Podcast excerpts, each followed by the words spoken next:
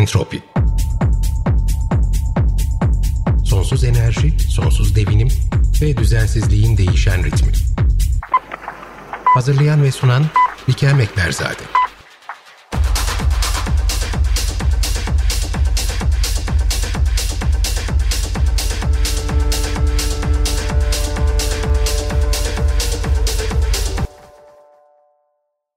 Savunmasız insanlar Libya sahillerinden Avrupa'ya güvenliğe ulaşabilmek için her yıl artan sayılarla ve giderek daha da çaresiz bir hal alan deniz geçişleriyle hayatlarını tehlikeye atıyorlar. Tam 8 yıl önce dünün tarihi 3 Ekim'de Lampedusa açıklarında batan ve 368 göçmen ve mülteciye mezar olan tekneyi hatırlayalım.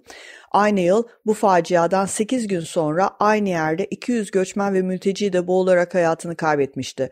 Çünkü Entropi'nin geçmiş bölümlerinden de Akdeniz'de aktif arama kurtarma yapan bağımsız sivil toplum örgütlerinden konuklarımızın da size anlattığı gibi bu geçişlere karşılık olarak Avrupa Birliği karasularında ve hatta uluslararası sularda inşa ettiği görünmez duvarları giderek yükseltiyor. Bu duvarların bekçiliğini sınır devriyesi yapan kendi ajansı Frontex'e verirken bir yandan da bu geçişleri durdurmak için Libya sahil güvenliğini destekliyor. Mülteci tekneleri daha güvenli kıyılara varamadan uluslararası kamuoyunun gözlerinden uzakta Akdeniz'in ortasında durduruluyorlar, içerisindeki insanlar yakalanıyor ve Libya'daki gözaltı merkezlerinde ya da kendi deyişleriyle cehenneme geri götürülüyorlar. Bu insanlar Somali'den, Etiyopya'dan, fil dişi sahilinden, Afrika'nın farklı noktalarından doğdukları topraklarda yaşayamadıkları için, hayatları tehlikede olduğu için ya da açlıkla, yoklukla daha fazla başa çıkamadıkları için bu zorunlu yolculuğu göze almışken, bir cehennemden başka bir cehenneme kendilerini taşımışken, giderek daha şiddetli bir şekilde Libya'daki cehennemin kendileri için belki de artık son nokta olduğunu idrak ediyorlar. Orada yavaşça, sessizce gözlerden uzak ölüyorlar köleleştiriliyorlar, taciz ve tecavüze uğruyorlar. Uzun soluklu bir sivil savaşın içerisinde hapsolmuş, bu savaşı yöneten farklı fraksiyonlardan milislere hizmet etmek zorunda bırakılıyorlar. Hizmet etmezlerse zincire bağlanıp fiziksel işkenceye maruz kalıyorlar. Hizmet etseler de tutuldukları yerlerin insan hayatını hiçe sayan yapısından kaynaklanan kaçınılmaz olan salgınlar sonrası hayat ile ölüm arasında mücadele veriyorlar. Ve bağımsız insan hakları örgütleri sahada aktif çalışabilen birkaç gazeteci ve bir avuç bağımsız yardım organizasyonu dışında hiç kimseye seslerini duyuramıyorlar. Uluslararası delegasyonlar kısa süreli ve sonuçsuz ziyaretlerle tırnak içerisinde durum tespiti yapıp bölgeden ayrılıyor. Sonra buradaki durumu istatistikler üzerinden Avrupa şehirlerinin birinde düzenlenecek bir kongrede geniş ve havadar bir salonda yapılacak bir sunumun parçası haline getiriyor o kadar. Onun dışında sahada özveriyle çalışan o bir avuç gazeteci ve bir elin parmaklarını geçmeyecek sayıdaki bağımsız yardım örgütü bu insanların hikayelerini, seslerini, yaşadıklarını bizlere duyurmaya çabalıyorlar. Sara Kreta bu birkaç gazeteciden birisi. Kendisi 2018'den beri Libya'daki iç savaşı ve son bir yıldır da ağırlıklı olarak mültecilerin tutuldukları bu gözaltı merkezlerini araştırıyor, bunlarla ilgili raporlar hazırlıyor.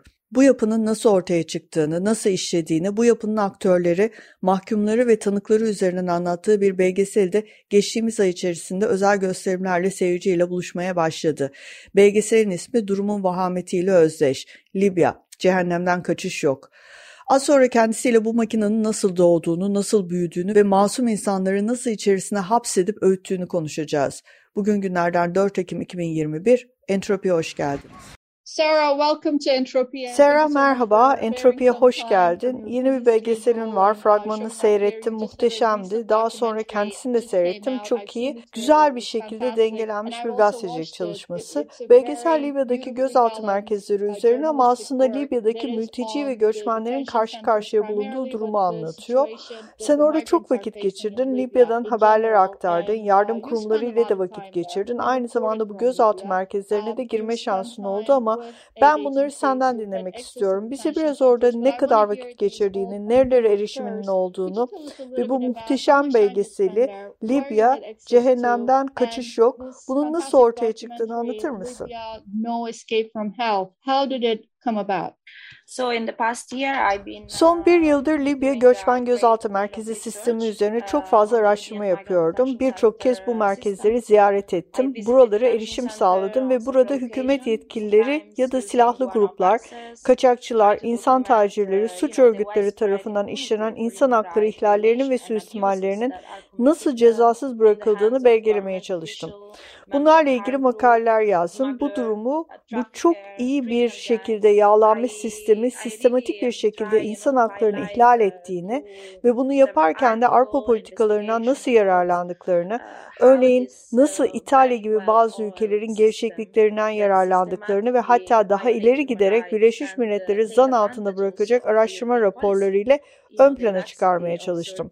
Evet ben Libya'dan muhabirlik yapabildim ve bence bu çok önemli çünkü biz gazeteciler sahada olmalıyız ve sahadaki insanlarla buluşabilmeliyiz ve sahada durumu gözlemleyebilmeliyiz.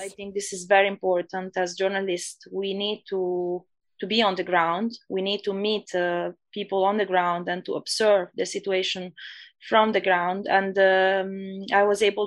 Libya'ya ilk defa 2018'de gidebildim. Sonra Trablus'taki savaş sırasında da devam ettim yaz boyunca ve Libya'ya son ziyaretim 2021 Mart ayındaydı.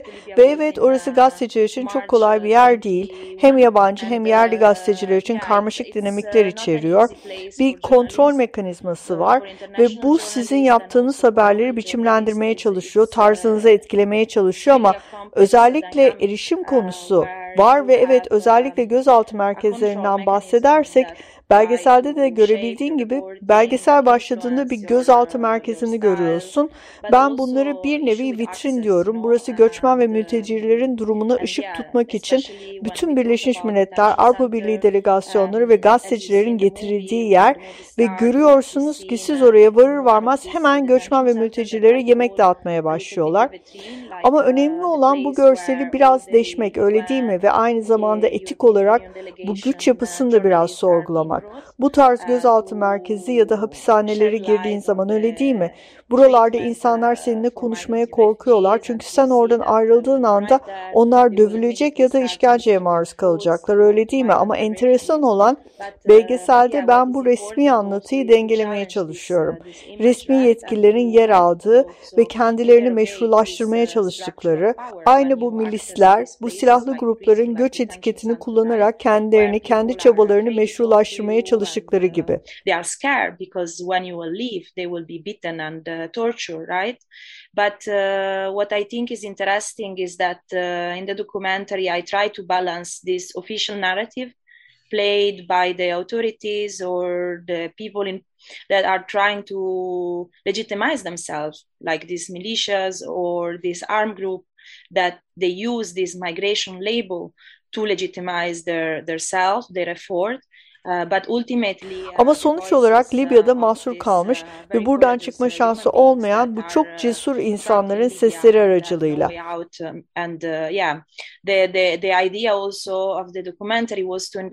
Bu belgeselin arkasındaki fikir aynı zamanda Avrupa Birliği'nin ve Avrupa Birliği politikalarının buradaki rolüydü. Özellikle çünkü bizim artık Avrupa Birliği'nin bu suçlardaki payını konuşmamız ve yasa olarak sorgulamamız gerekiyor. Ve bana göre AB ülkeleri burada da hem ahlaki açıdan hem politik açıdan bu göz altındaki göçmen ve mültecilerin maruz kaldığı tecavüz, işkence ve cinayetlerde suç ortağı. Özellikle AB'nin bu tutuklama ve temassız kontrol pratikleri, AB burada müdahil olmamaya çalışıyor. Misal, denizdeki geri püskürtmeleri ya da bu devam eden suistimallere ve milislerden müdahale olmasını istiyor. Ama en sonunda bu suç girişimi Avrupa Birliği tarafından planlanıyor ve tasarlanıyor. Ve Avrupa Birliği basitçe hiçbir politik yaptırımı ya da teknik becerisi olmayan Libya sahil güvenliğini bu kirli işi yapması için kullanıyor. Uh, the Euro European Union is basically uh, using, right, the Libyan Coast Guard and uh, that have no political will or technical competences to do this dirty job.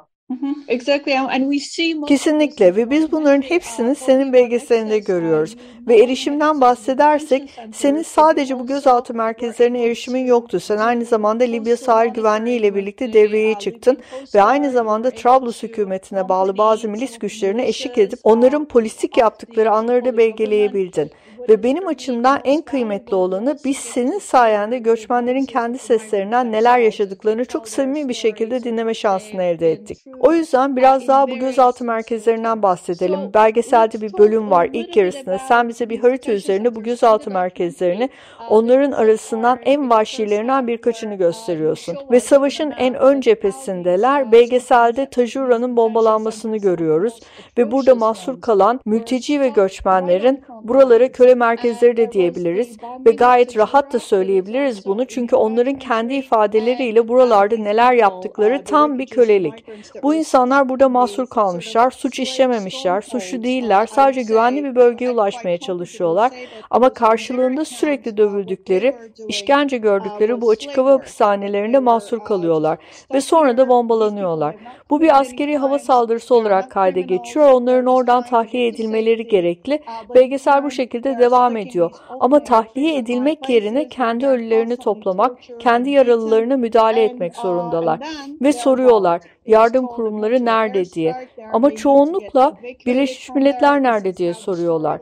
Bize biraz da bu gözaltı merkezlerinin Libya Sivil Savaşı'nın ön saflarında hapsolmalarını anlatır mısın? and they keep on asking where are the aid agencies, but mostly where is the UN?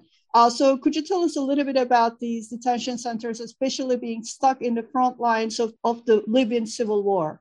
Uh, evet bence mülteci ve göçmenlerin gözaltına alınmalarının karlı bir iş modeli haline geldiğini söylemeli ve bunu hatırlamalıyız. Ve merkezinde ciddi rüşvet ve yolsuzluk vakaları saptanmakta. Bu sistemi fonlayan Avrupa Birliği tarafından. Örneğin 2019 tarihli bir AB belgesi var İçişlerine ait. Şöyle diyor, resmi görevlilerin kooperasyon için işe alınışları gözaltı merkezlerine geniş kapsamlı raporlanan insan hakları ihlalleriyle ilintilidir. Yani AB resmi bir evrakla bu işletmelerin karlı bir iş modeli haline geldiğini kabul ediyor. Mevcut Libya hükümeti için ve bu hükümet temel olarak onların suç ortağı. Dolayısıyla birçok tutuklu, birçok mülteci bu ellerinde damga tutan resmi kişiler tarafından zorlanıyorlar. Rüşvet ödemeleri isteniyor, serbest bırakılmaları için para ödemeleri isteniyor ve bu şekilde bu gözaltı merkezleri böyle karlı bir işletmeye dönüşüyor. Bu gözaltı merkezlerinin arkasında politik bir ekonomi var. Birçoğunun insan ticaretiyle bağlantısı var. Ben örneğin bu merkezlerde süre gelen ciddi rüşvet ve yolsuzluk vakaları belgeledim. Özellikle oraya sağlanan yardımlar üzerinden Aynı zamanda sivil savaş esnasında bu yerler askeri üs olarak da kullanıldı ve göçmenler de insan kalkanı olarak kullanıldı. Bu gözaltı merkezlerinin durumu özellikle Tajura'nın ama savaşın ön safhasında bulunan diğerlerinin de bana göre savaş suçu kategorisine girmekte ve biz bu konuya derinlemesine bakmak zorundayız ve uluslararası toplum ve ICC bu konuları araştırmaya başlamalı ve buralar için doğru ismi kullanmalı. Biz buna iddia edilen savaş suçu dememeliyiz. Bunlar savaş suçları. Göçmenler Tajura'yı kontrol eden silahlı Dağman milisleri için ağır kas gücü gerektiren işler yapmaya zorlandılar.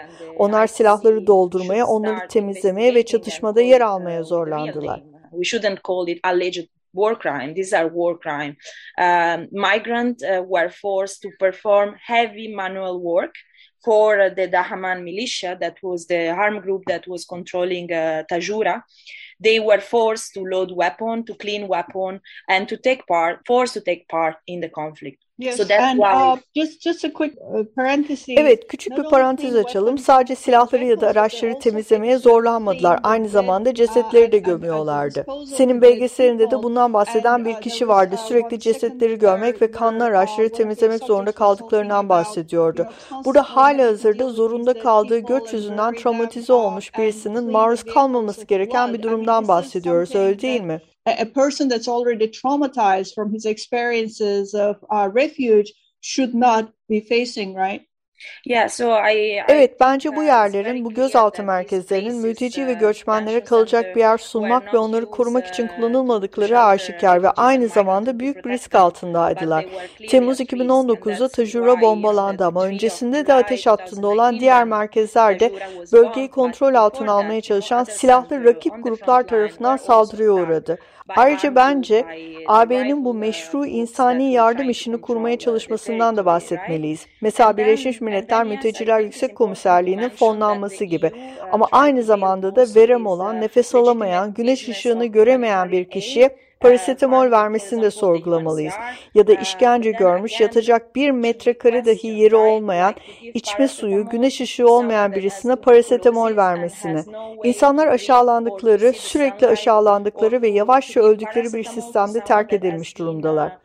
Aynı zamanda Birleşmiş Milletler Ajanslarının ihmalleri yüzünden ölen insanlar da var ki bu ajanslar belli servisleri sağlamakla yükümlüler ve bu yüzden bu uluslararası organizasyonların fonlanması, örneğin Uluslararası Göç Organizasyonu IOM'in en savunmasız olan kişileri geldikleri yere geri göndermesi ve bu programa gönüllü geri gönderme demesi gibi. özellikle bu insanların gözaltında tutuldukları bu gözaltı merkezlerinden hiçbir şekilde çıkma şansı olmadığı düşünüldüğünde imzalamak ve geldikleri yere geri gönderilmeleri dışında bir seçenekleri yokken.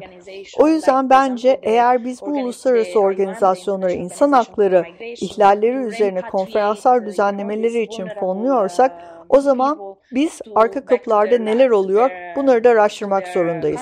Nasıl bu programlar ve bu kooperasyon üzerinden çatışmalarda ve bölgenin istikrarsızlaşmasında yer alan milisleri meşrulaştırıyoruz, fonluyoruz ve onlara ekipman sağlıyoruz.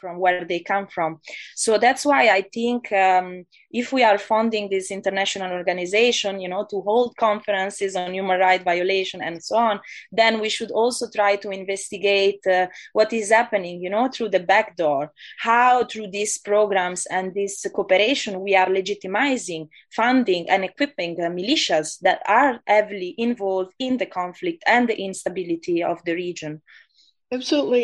Kesinlikle ve dinleyicilerimize biraz belgeselin içeriğinden bahsetmemiz gerekirse bir sahne var. Bunu seninle daha önce de konuşmuştuk ve beni en çok etkileyen sahnelerden birisiydi.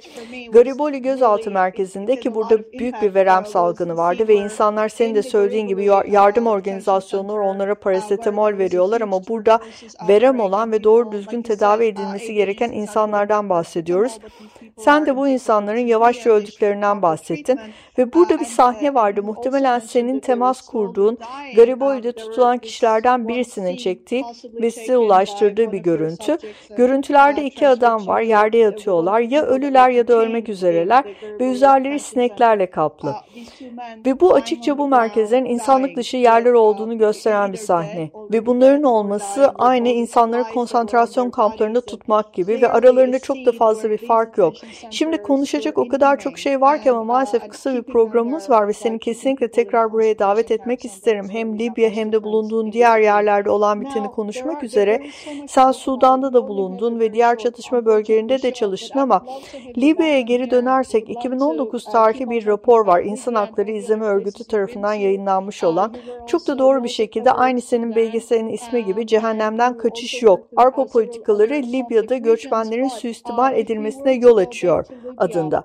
Bu raporda da insanların yaşadıkları şeyleri oldukça açık açık bir şekilde anlatan hikayeler vardı. Şimdi biz onları sadece Akdeniz'i geçmeye çalışan gruplar olarak görüyoruz. Onları rakamlar olarak görüyoruz tekneleri doluşmuş insanlar, özellikle Avrupa'ya ulaşmaya çalışan insanlar ama biz onları tek bir yönden görüyoruz.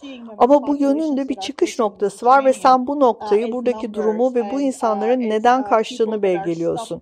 Ve bu Akdeniz geçişlerinden bahsederken senin belgeselinin sonuna doğru bir duvar yazısı vardı. Bu gözaltı merkezlerinin birisinin duvarına yazılmış. Ben her halükarda cehenneme gidiyorum diyordu. Gözaltı merkezinde kalsa da ya da o Akdeniz Denizi geçeceği tehlikeli seyahati göze alsa da ki bu seyahatte ölebilir ya da yakalanıp Libya'ya geri götürülebilir. Çünkü Avrupa Birliği onları istemiyor. Sen aynı zamanda bu insan hakları izleme örgütü raporu dışında bir başka rapordan daha bahsetmiştin biz yayına girmeden önce. Af örgütünün Libya üzerine yeni bir raporu olduğundan.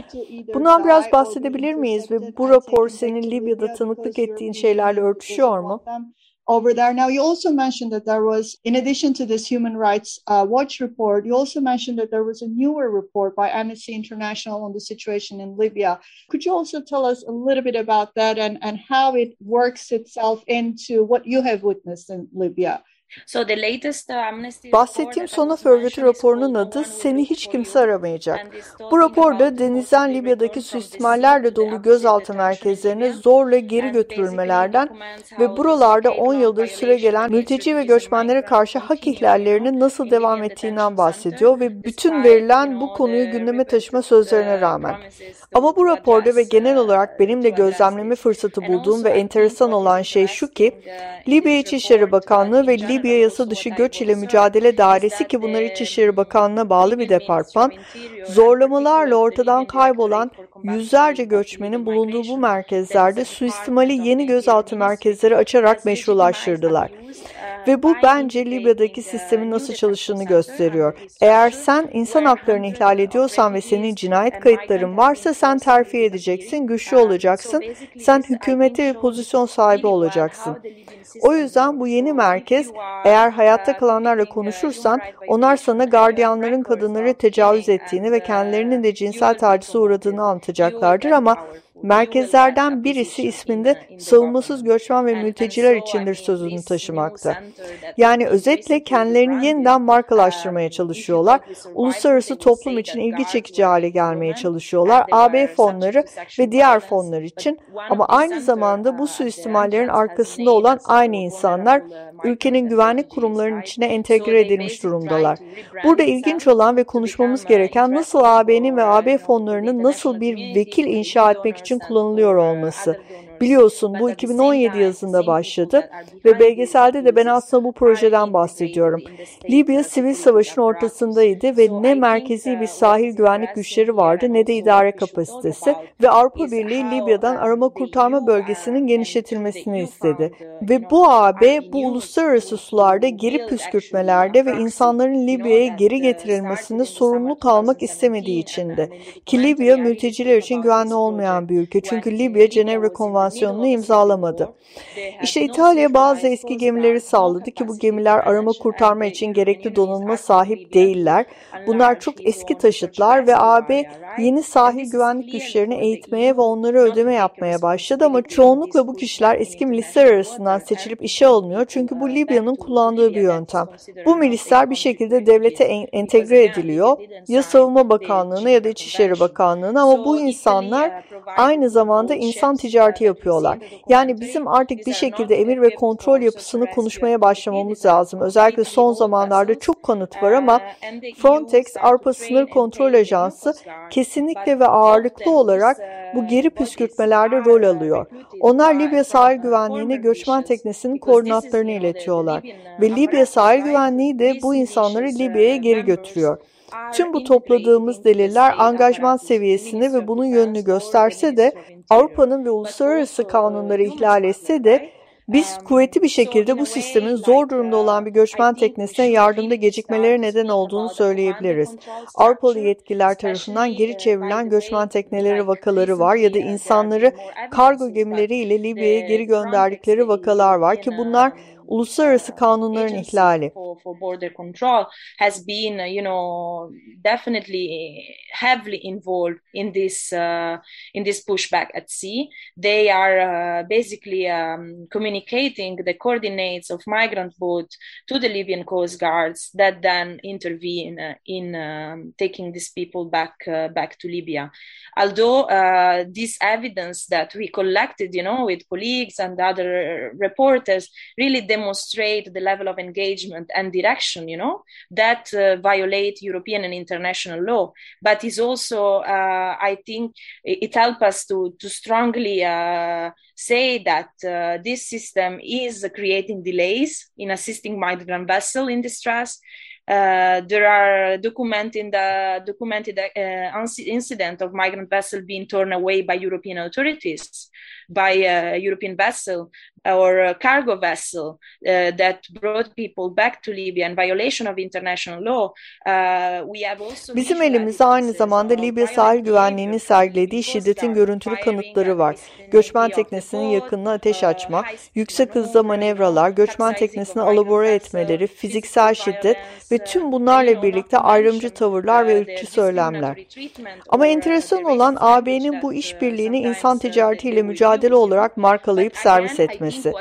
Libya sahil güvenliğinin kapasitesini güçlendirerek biz insan ticaretine karşı savaş açacağız diyorlar ama günün sonunda biz bazı devlet görevlilerinin suç ortaklığını belgeledik ki bunların arasında İçişleri Bakanlığı yetkilileri de bulunuyor ve Libya sahil güvenliği insan ticaretinde ve göçmen kaçakçılığında da aktif. Ve bu beni endişelendiriyor. Şöyle ki biz neticesinde yakalanan ve onları tekrardan suistimal edecek sisteme geri götürülecek, orada satılacak ve sonrasında tekrar denize açılacak insanların durumunu daha fazla alevlendiren bir sistemi güçlendiriyoruz. Örneğin dün Trablus'ta kitle tutuklaması vardı. Çok şiddetliydi.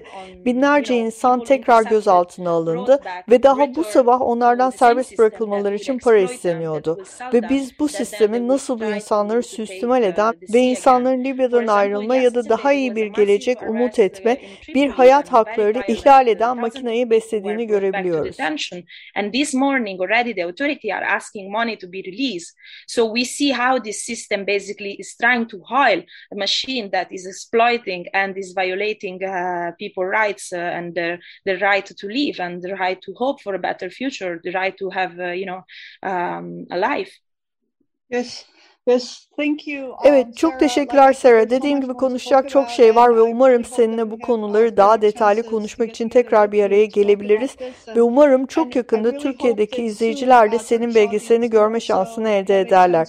Ki bu belgesel bence sadece bildiğimiz anlamda bir belgesel olmaktan öte, senin de dediğin gibi Libya'da olan bitenin bir kanıtı ve Libya'da olanların senin de söylediğin gibi bir savaş suçu olduğunu gösteren mahkemelerce kullanılabilecek bir delil niteliği niteliğinde. Özellikle bu gözaltı merkezleri ve Afrika'nın farklı noktalarından Libya'ya gelen ve burada mahsur kalan göçmen ve mültecilere yapılanlar söz konusu olduğunda. Entropi'ye katıldığın için tekrar çok teşekkürler ve çalışmalarının devamını ve seni ilerleyen bölümlerde görmeyi de sabırsızlıkla bekliyorum. seeing more of your work and um, hearing from you in our later episodes. Teşekkür ederim. Teşekkür ederim.